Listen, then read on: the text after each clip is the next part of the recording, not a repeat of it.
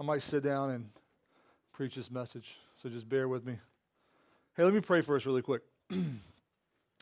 Dear Heavenly Father, I just thank you for this message that you've given me. I thank you for what you're about to do in here. I thank you for each student and each person that is represented. God, you have us here for a specific reason. You know what that reason is. Maybe there's someone in here tonight that doesn't know you as their Lord and Savior. And tonight is the night where you change everything for that person. God, I'm asking that you open the hearts and the minds and the ears of each person in here. God, be with me as I preach this word. It is not mine, it's yours. Let us walk through these passages very slowly and very carefully as we know they are sensitive not only to the time back then, but also to us now. God, we love you and we thank you for what you're about to do. In Jesus' name. All right, guys, you ever you ever see a, a family, husband and a wife, and they have a baby in their in their stroller and they're pushing the stroller along and you come alongside them and you come up to them and you're like, you look in and you're like, man, he is so cute, your baby. And it's actually not a boy, it's a girl. And you're like, my bad. Like, that's not my fault. You know, it wasn't dressed in blues, or if it was a girl, it wasn't dressed in pinks, in the pink color. It was dressed in like a yellow or a neutral color and you've done it the other way. Like I've done that a thousand times, or if I'm looking at old pictures of kids and I'm like, man, she's awesome, and it, you know, it just it wasn't because you're just thrown off. Like we've all made that mistake, right? We've all had that issue where we've done that, you know, and the parents are really cool with us and they kind of like laugh it off and they joke it off, right? That's happened to me. That's happened to my kids, right? It just it's the truth, and you know, sometimes we just got to be okay with that, right?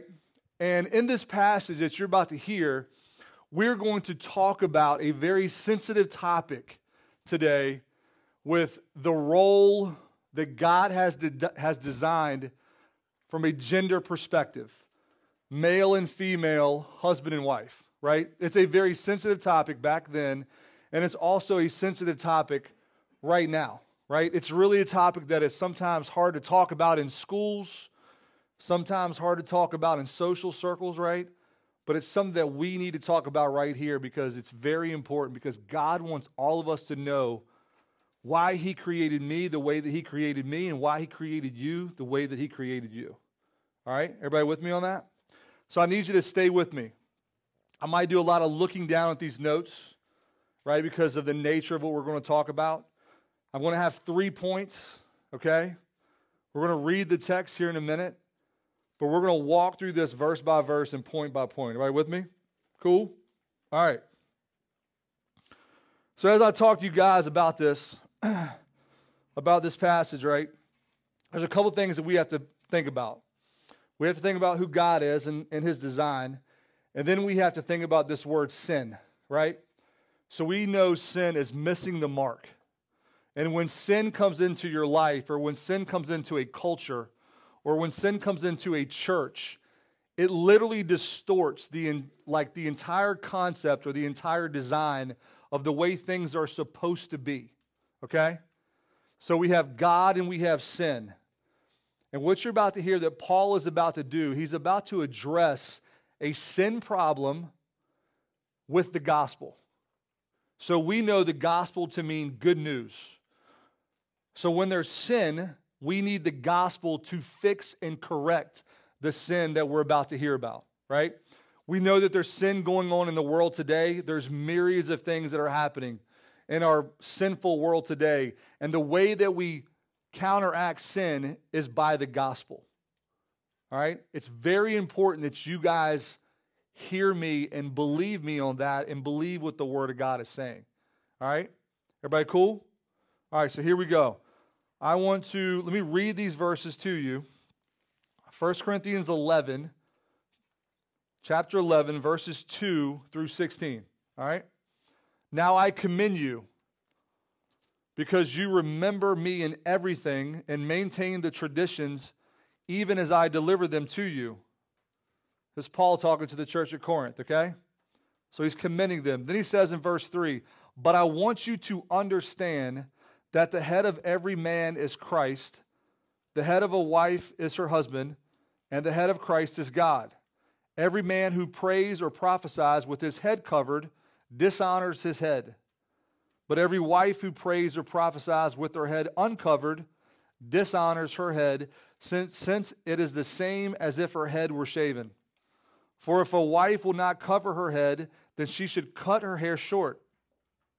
But since it is disgraceful for a wife to cut off her hair or shave her head, let her cover her head. For a man ought not to cover his head, since he is the image and glory of God, but woman is the glory of man. For man was not made from woman, but woman from man. Neither was man created for woman, but woman for man. That is why a wife ought to have a symbol of authority on her head because of the angels. Verse 11 Nevertheless, in the Lord, woman is not independent of man, nor man of woman. For as woman was made from man, so man is now born of woman. And all things are from God. You should underline that part. Verse 13 Judge for yourselves. Is it proper for a wife to pray to God with her head uncovered? Does not nature itself teach you that if a man wears long hair, it is a disgrace for him? But if a woman has long hair, it is her glory? For her hair is given to her for a covering. If anyone is inclined to be contentious, we have no such practice, nor do the churches of God. And that's a lot, right?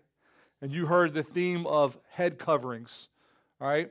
Now, the premise of this passage is not just talking about head coverings for a woman or for a wife. It's not all about that, but it is important because it is in the Bible and it was applicable and appropriate to back in that day in that culture what a woman would do when she was with a man or with her husband. All right? So keep that in mind. So here's the first point stay true to the word of God in all things. Stay true to the word of God in all things. That is strictly coming from verse 2, and this is where we're starting. Verse 2 says, Now I commend you because you remember me in everything and maintain the traditions, even as I delivered them to you. So the word commend, when you see that in verse 2, it means praise formally, right? So Paul is praising the people at Corinth, saying, Hey, I'm commending you for all the things that you have believed and have heard from me. All the traditions that you are carrying out, you are doing exactly what you're supposed to do, right? Think about in our modern day time when someone commends you for doing what is right. So when someone has taught you the right thing to do, and they see you acting on that right thing, they're commending you for it. So Paul is starting off first and foremost by doing that. He's saying, I'm commending you for that. Second Thessalonians 3 6 says, Now we command you, brothers, in the name of our Lord Jesus Christ, that you keep away from any brother who is walking in idleness. You heard Pastor Mark talk about that idleness last week, and not in accord with the tradition that you have that you received us. 1 Thessalonians 4 1 says, Finally, then, brothers, we ask and urge you in the Lord Jesus that as you receive from us how you ought to walk and please God, just as you are doing, that you do so more and more. So he says, Hey, listen, here's the deal. Don't walk in idleness, because that's not in agreement with what you've learned. Idleness is not good. You haven't heard to do that, so I want to tell you guys not to do that. And then he's also saying in 1 Thessalonians 4 1, the way that we should walk should be pleasing to God, just as you're doing. So they are pleasing God, so continuously do that, right? So some of the things that we can think about how we please God is how we treat one another. So when you go into your school system or your baseball team, or like Mark said earlier, like if you're in in arts or you're in, in uh, you know drama whatever it may be some of the ways that you are commended is how you treat someone do you treat someone the way christ is treating you do you forgive them do you pray for them have you started a bible study with them have you shared the gospel with them right it teaches us to go out and to be ambassadors for christ it teaches us to go out and talk to people about god so he's saying listen i need you to do that right and so here's what's happening. So remember, we have God's design, and then we have a problem with sin. So, as Paul begins to transition from verse 2 down to the next verses, in that culture, this is important for us to realize this. He is stressing to them that life has been given to us by God and that our life should be a life that's gratifying to God. All right? He's also saying that no matter what, whatever he's going to do, he's going to teach and preach Christ crucified. That's the direct quote, quote from 1 Corinthians chapter 1 verse 23. So in everything that he's going to do, he's going to teach and preach Christ crucified. That's going to be the basis of who he is. But in this culture, there's starting to be an infiltration, as you're going to see in the next couple of verses, where the gender role that God has designed is now under fire and under pressure from the pagan culture and from outside influences, and Paul is about to address it. So they're now about to be under like fire with hey, a man can do this and a woman can do this, and their roles can be interchangeable. And Paul is about to address that because God has not designed it that way. So think about this. In 2 Timothy 3:16, think about the design of, of the scripture think about the design that God has for us. So Paul is saying, I'm commending you because you're doing the traditions, right? But you got this sin problem where this culture is coming into the church and it's trying to mess up the design of God. He's saying, Remember what I've told you. 2 Timothy 3:16 is breathed out by God and profitable for teaching. So the word of God is profitable for teaching. It's for reproof, it's for correction, and for training in righteousness, that the man of God may be completed and equipped for every good work. No other book, no other training can stand on that alone. So Paul's saying, remember, when someone is about to come into your culture and tell you something different than opposite from this book, if it's not in here, it's not accurate, it's not authentic, it's not good, it should not be acceptable. Because I'm teaching you the right way and I've commended you for it. He's also saying this he's saying you play a role in the gospel in just verse number two. Why do I say that? He says here, Paul says that he commends them because of their remembrance and their maintaining of the traditions. So, you know, when you guys are remembering Bible verses and you're remembering and you're practicing the traditions of your faith, he's commending them for that. So, it's important when you do Bible study or you're remembering the verses or you're remembering how you've been treated or you're remembering the day that you got saved or you're remembering the traditions that you're involved in because that's going to carry you. The Bible is going to carry you throughout your days and throughout your years. All right?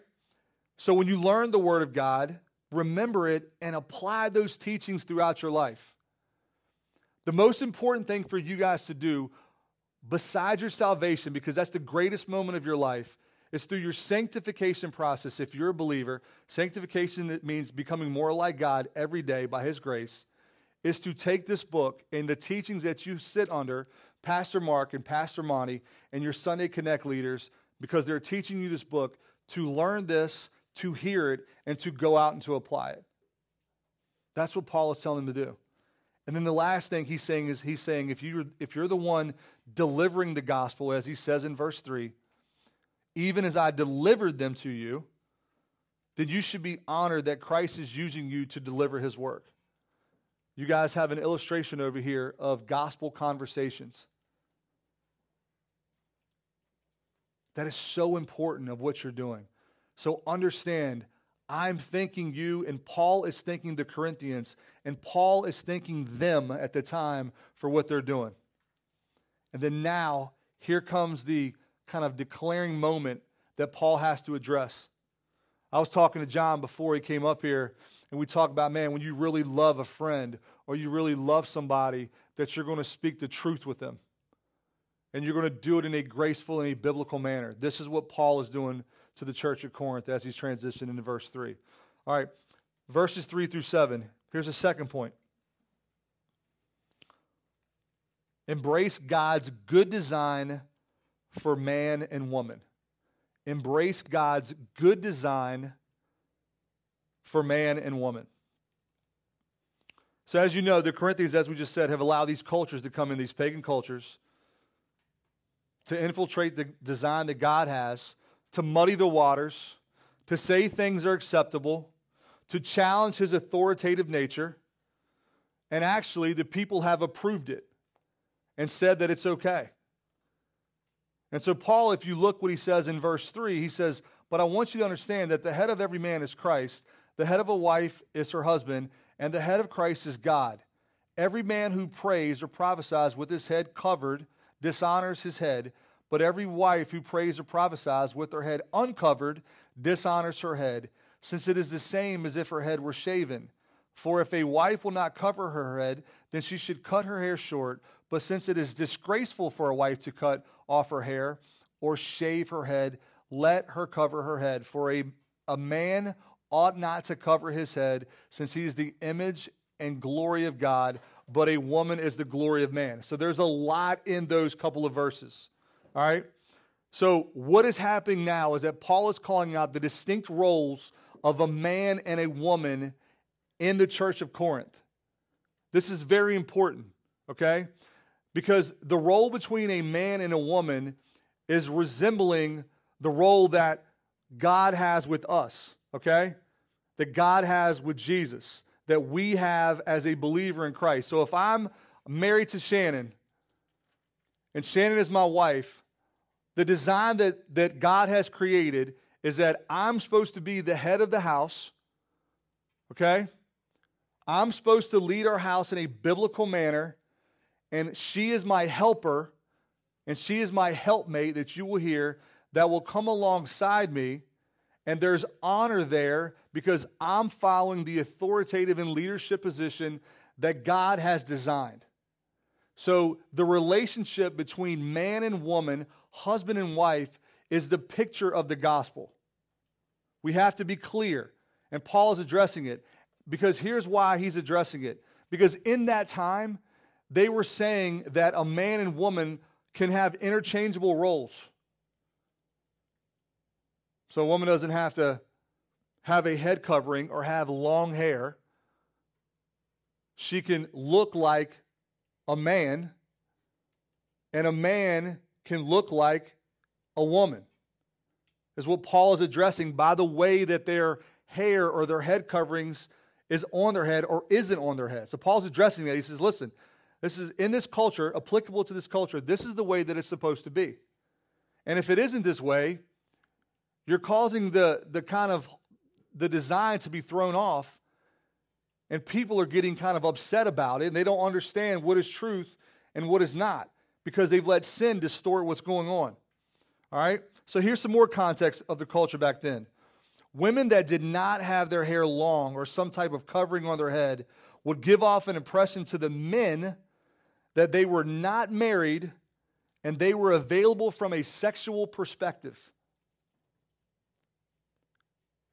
So if they did not do that,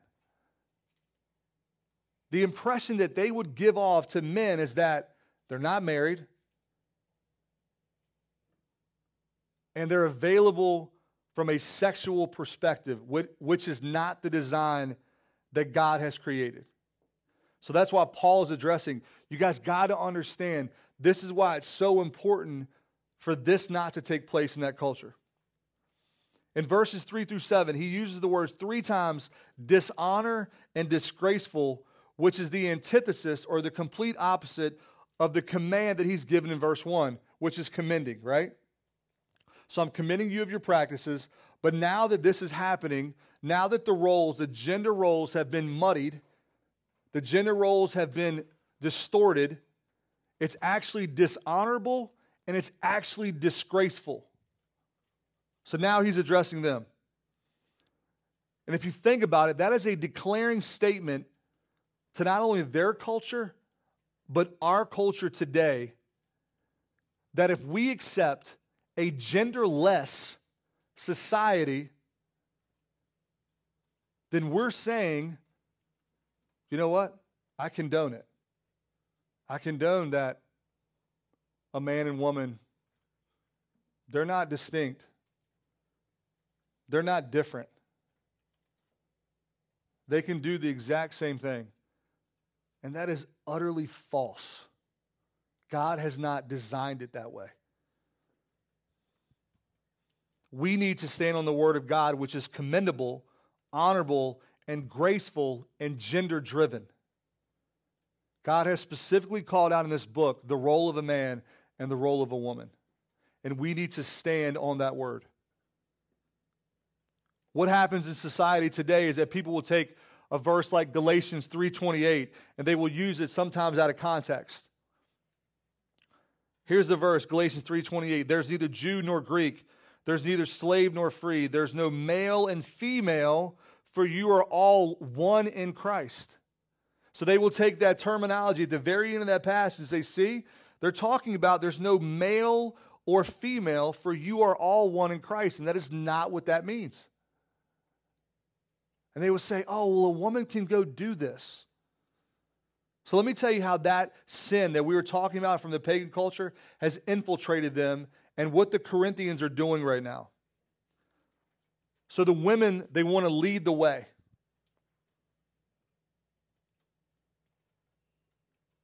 Men are being dismissive or passive in leadership and allowing a woman to do that. Gender equality to the nth degree is being celebrated and approved in every passage and every practice of that day and right now. Where did it all start? If you go back to Genesis and Adam and Eve, what happened in the garden? Adam was there when Eve had the fruit. Adam was there. Instead of taking the leadership role, he allowed Eve to take of the fruit that she should not have taken of, and he was passive and he was dismissive. And just to help you out, we all would have done that. And sin is now into the world because the role of the man did not, he did not act and did not portray the way that he was supposed to. So that's the bad, that's kind of like the bad news about it. The good news about the application from this is that a man and men in this room, as you guys are looking at me, Lord willing, you will grow up, you will be in high school, you will go to college or go to the military, and one day you will get married. I got married at the age of 24. So, six, seven years out of high school, I got married. And this is what you need to hear from the Word of God. You are called to be the leader of your home. You are called to initiate things, not to be passive. You are called to be the spiritual person that leads your family, to guide your family in the correct way under this authority. You are called to protect. You are called to love in Ephesians as Christ loved the church. You are called to sacrifice yourself for your spouse.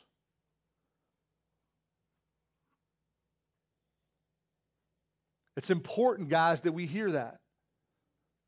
Because this culture says the complete opposite.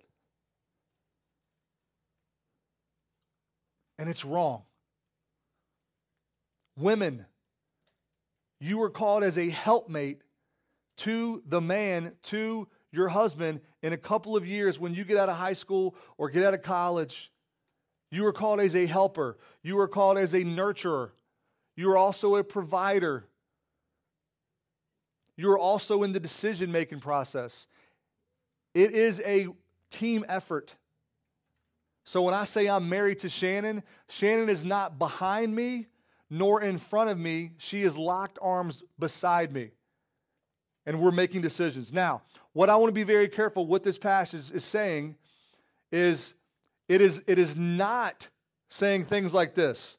It is not saying that man is greater than woman and woman is greater than man. It's not saying that, right?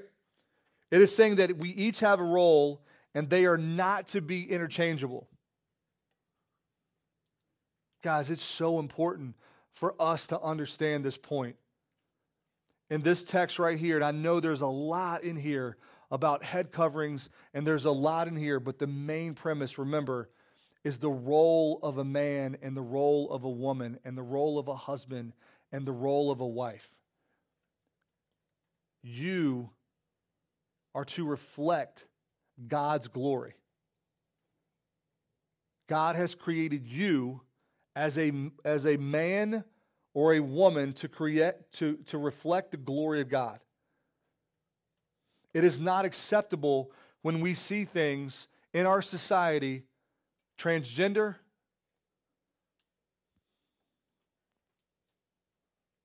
genderless. God has not designed it that way. It's just not acceptable. Now, since we know that, there's a couple of things that I want you guys to think about when you do, when you are approached with this, right? Since you are supposed to reflect the glory of God and, and who He is, like you're supposed to love them, but not love the sin that they're in. You're supposed to pray for them and pray for their eyes to be open that God has created them the way that He intended to. Maybe God is calling you to witness to that person. Maybe you're being convicted right now that you have made fun of someone that is battling gender understanding or gender identity. And they're struggling right now because this is a sensitive topic and it's affecting a lot of people around the world because society is pushing it. Maybe you're here tonight where you can be the bright spot in that person's life and you can show them the love of Christ. It's so important. Because remember, what people are hearing and what people are seeing, if they don't know Jesus, they're going to believe it. And they're going to think that it's true. And they're going to think that it's accurate. Guys, we got to remember throughout all of this who God is. God loves them. God doesn't want them to walk in their sin. God doesn't want that person to battle with their identity from a sexual or from a gender perspective. God wants to show them why He created them. Man, it's so important. You know, I sit here today and think about the battles that you guys deal with on a daily basis. And my heart goes out to you. It really does. Because everything in our culture right now is accepted. And it's, sometimes it's approved. And you come here on a Wednesday and you come here on a Sunday and you learn about the Word of God, and then you, we're, we're calling you to go out there to be the light that God has called you to be. And you can be that. But as the first point said, you got to stand on the word of truth and you got to call sin what it is. And you got to love the person and hate the sin.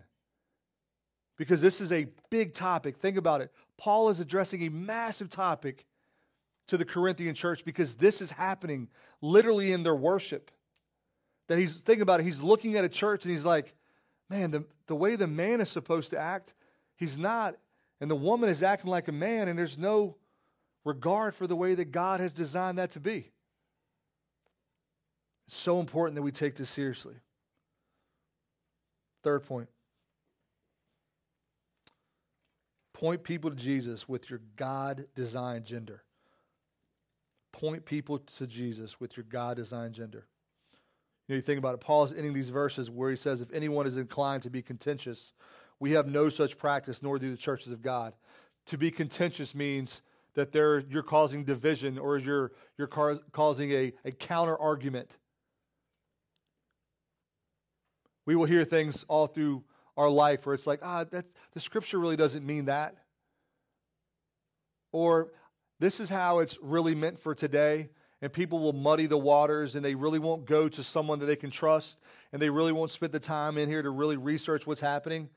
And, and God is saying, that's not, that's not appropriate. And I don't want you to practice that. Remember in verse 3, when you practice something that's right, you get commended. When you practice something that's wrong, that's not biblical, he's saying, I don't want that to happen in the churches. So, Corinthians, let's clean up this gender problem that we're having. And we can only clean that up by going back to the foundation of who God is and his word and saying, What is the way, how does God want me to act in this moment? How does God want me to be as a man or as a woman? How has God called me to be? Not how has the pagan culture called me to be.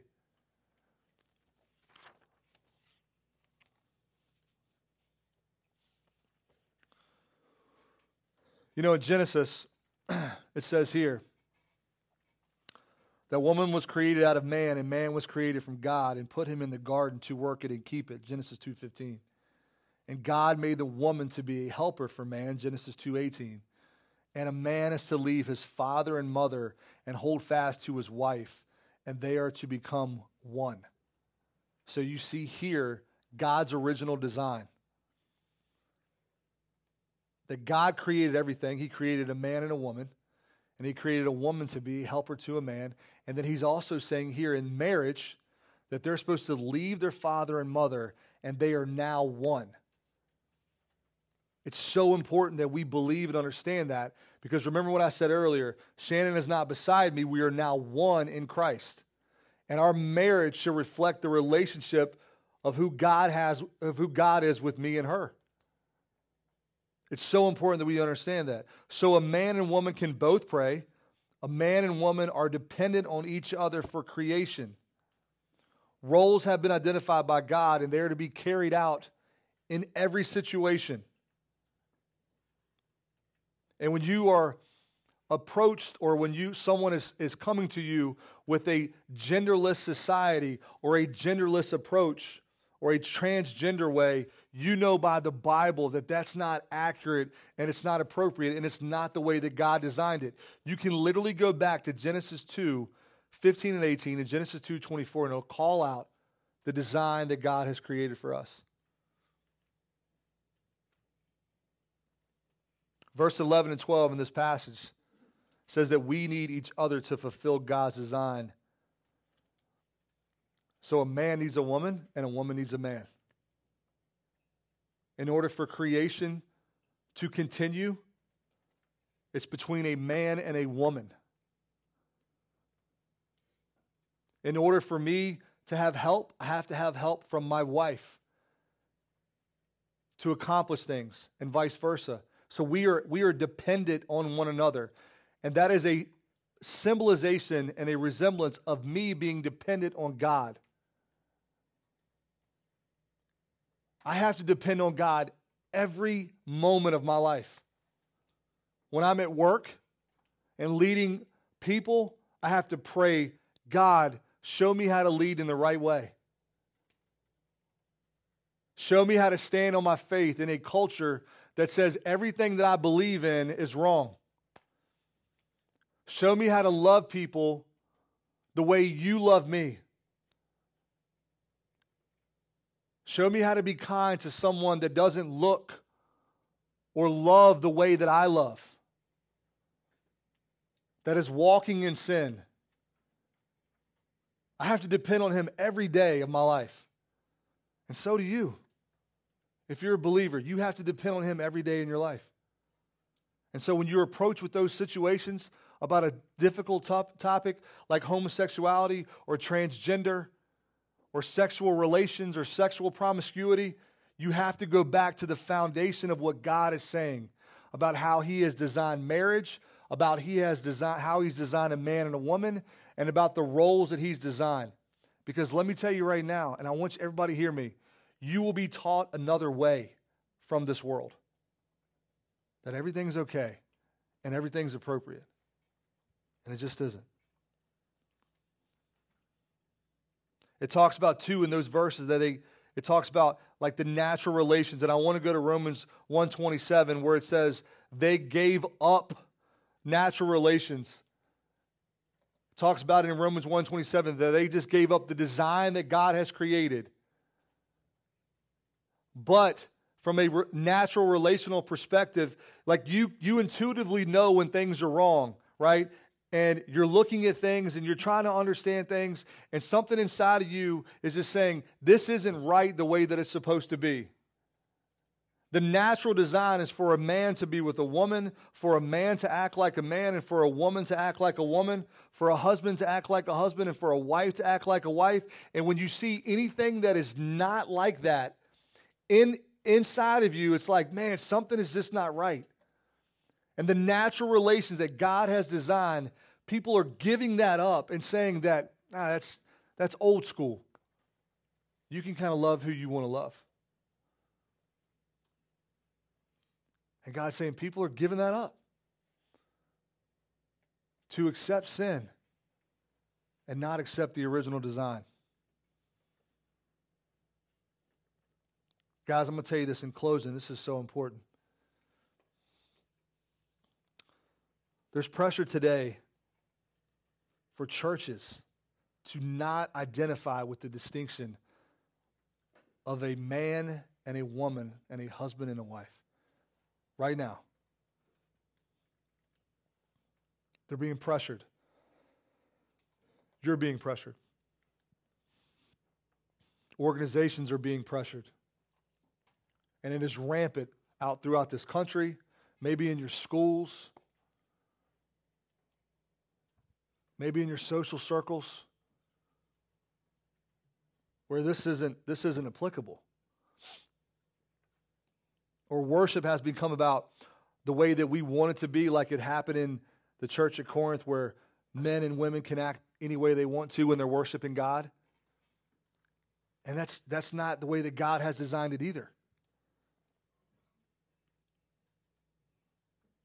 And that's all like right now, that sin, that, that weight of sin that's weighing on us, that all can change literally in this room and throughout all of this world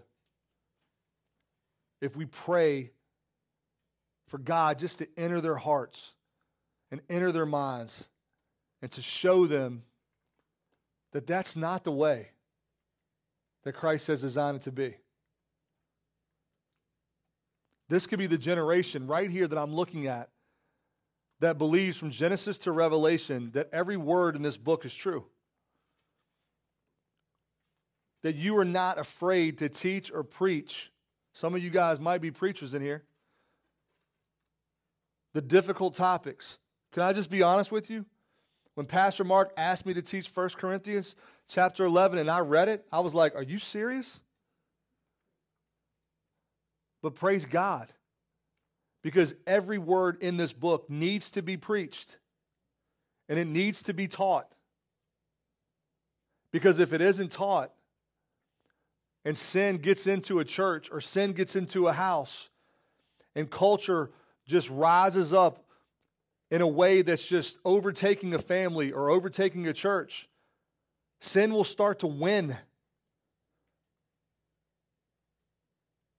It's important for us to understand and identify what sin looks like because it's also important for us to know what God has a plan for. God has conquered that sin on the cross. His blood atoned for that sin. So, a person that is battling right now with gender identity thinks there's no hope and is walking around thinking that what the way he or she is acting is appropriate and it's okay and they're walking in darkness and they're walking in sin and they're totally lost and maybe the last person that they think is going to come up to them and talk to them is a christian because maybe they think a Christian is going to condemn them. Man, I don't, like my kids, one of my kids goes, goes to Cosby, and there's like 2,000 students there. I would venture to say that of the 2,000 students, someone is battling with this passage right now. Someone is struggling with who they are. Because if it happened back then, it's definitely happening right now. And what is God calling you to do? I want to say this to you as we're closing. If you're here today and you're struggling with this, You're not alone. And God loves you.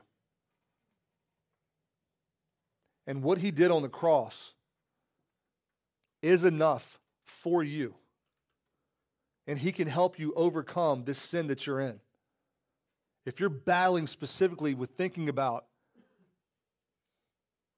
man, sometimes I don't feel, and this is this is hard to say, like being a guy or being a girl, and you're thinking those other thoughts. God can help you right now. This is a real sin, and this is a real struggle for people, and it's something that we have to take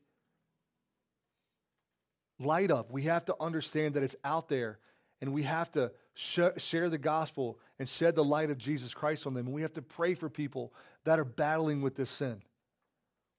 So I want you to know please don't leave tonight. Please come talk to a leader, come talk to Pastor Mark. Don't feel embarrassed. God has you here for a reason. If you know someone, you have a friend at school that's battling with this issue, man, love that person. Invite them to church. Invite them. They need Jesus. They need to hear the gospel. They need to hear the good news. People need to hear the good news of Christ.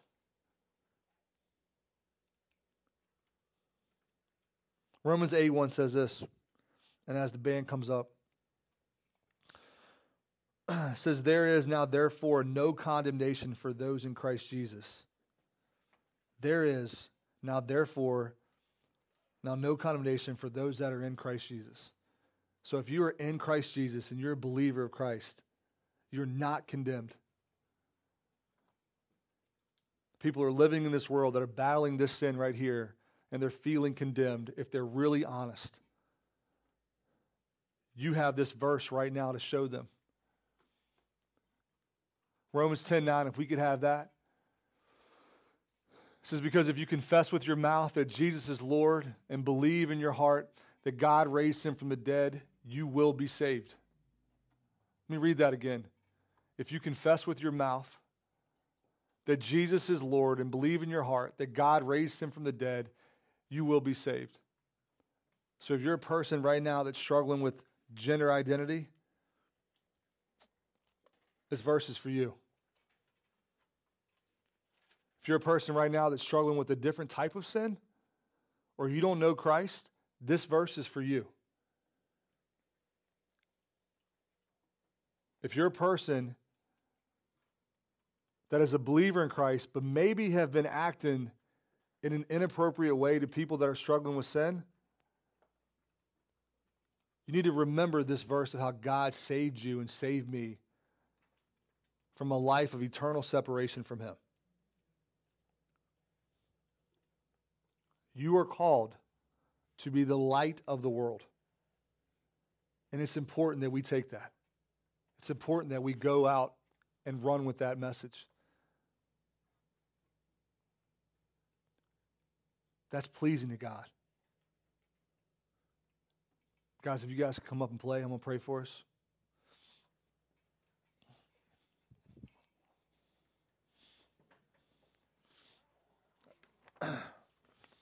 I appreciate you listening. I know these were difficult verses to talk about. I thank God that Mark asked me to teach this. Every head bow, every eye closed.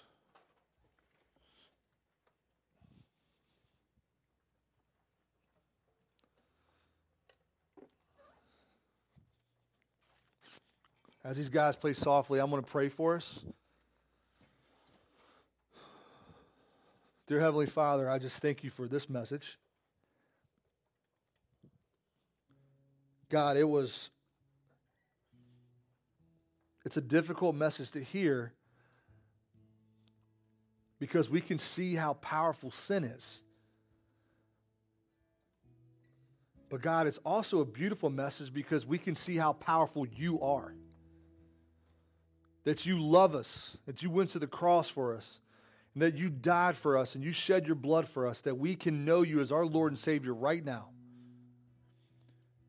God, it is by no coincidence that you have put every person in the seat that they're in right now. You have put them there for a specific reason. And maybe they're the ones that are battling with this specific topic. Right now could be the moment that they are freed from that.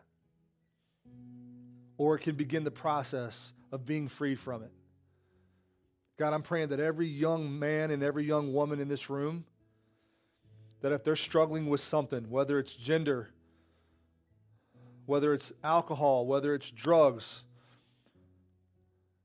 whether it's sexual relations, whether it's inappropriate thoughts, whether it's looking up things on their cell phone, whether it's looking at things on a computer, whether it's causing dissension or gossip, whether it's not doing what their parents are asking them to do or not being a good friend, that God, today is a day that they feel your power, that they feel your love, that they feel your authority, and they give it all over to you at the cross.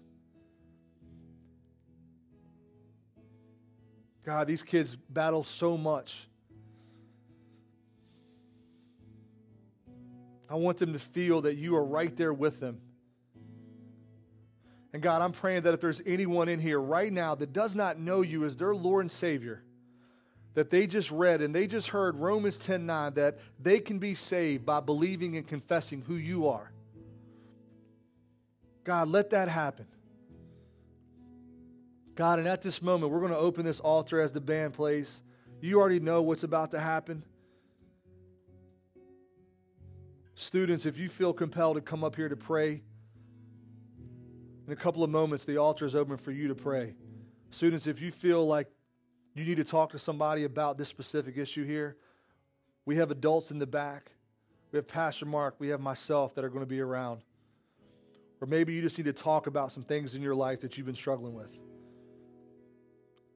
I'm asking you, don't leave tonight without knowing who Christ is.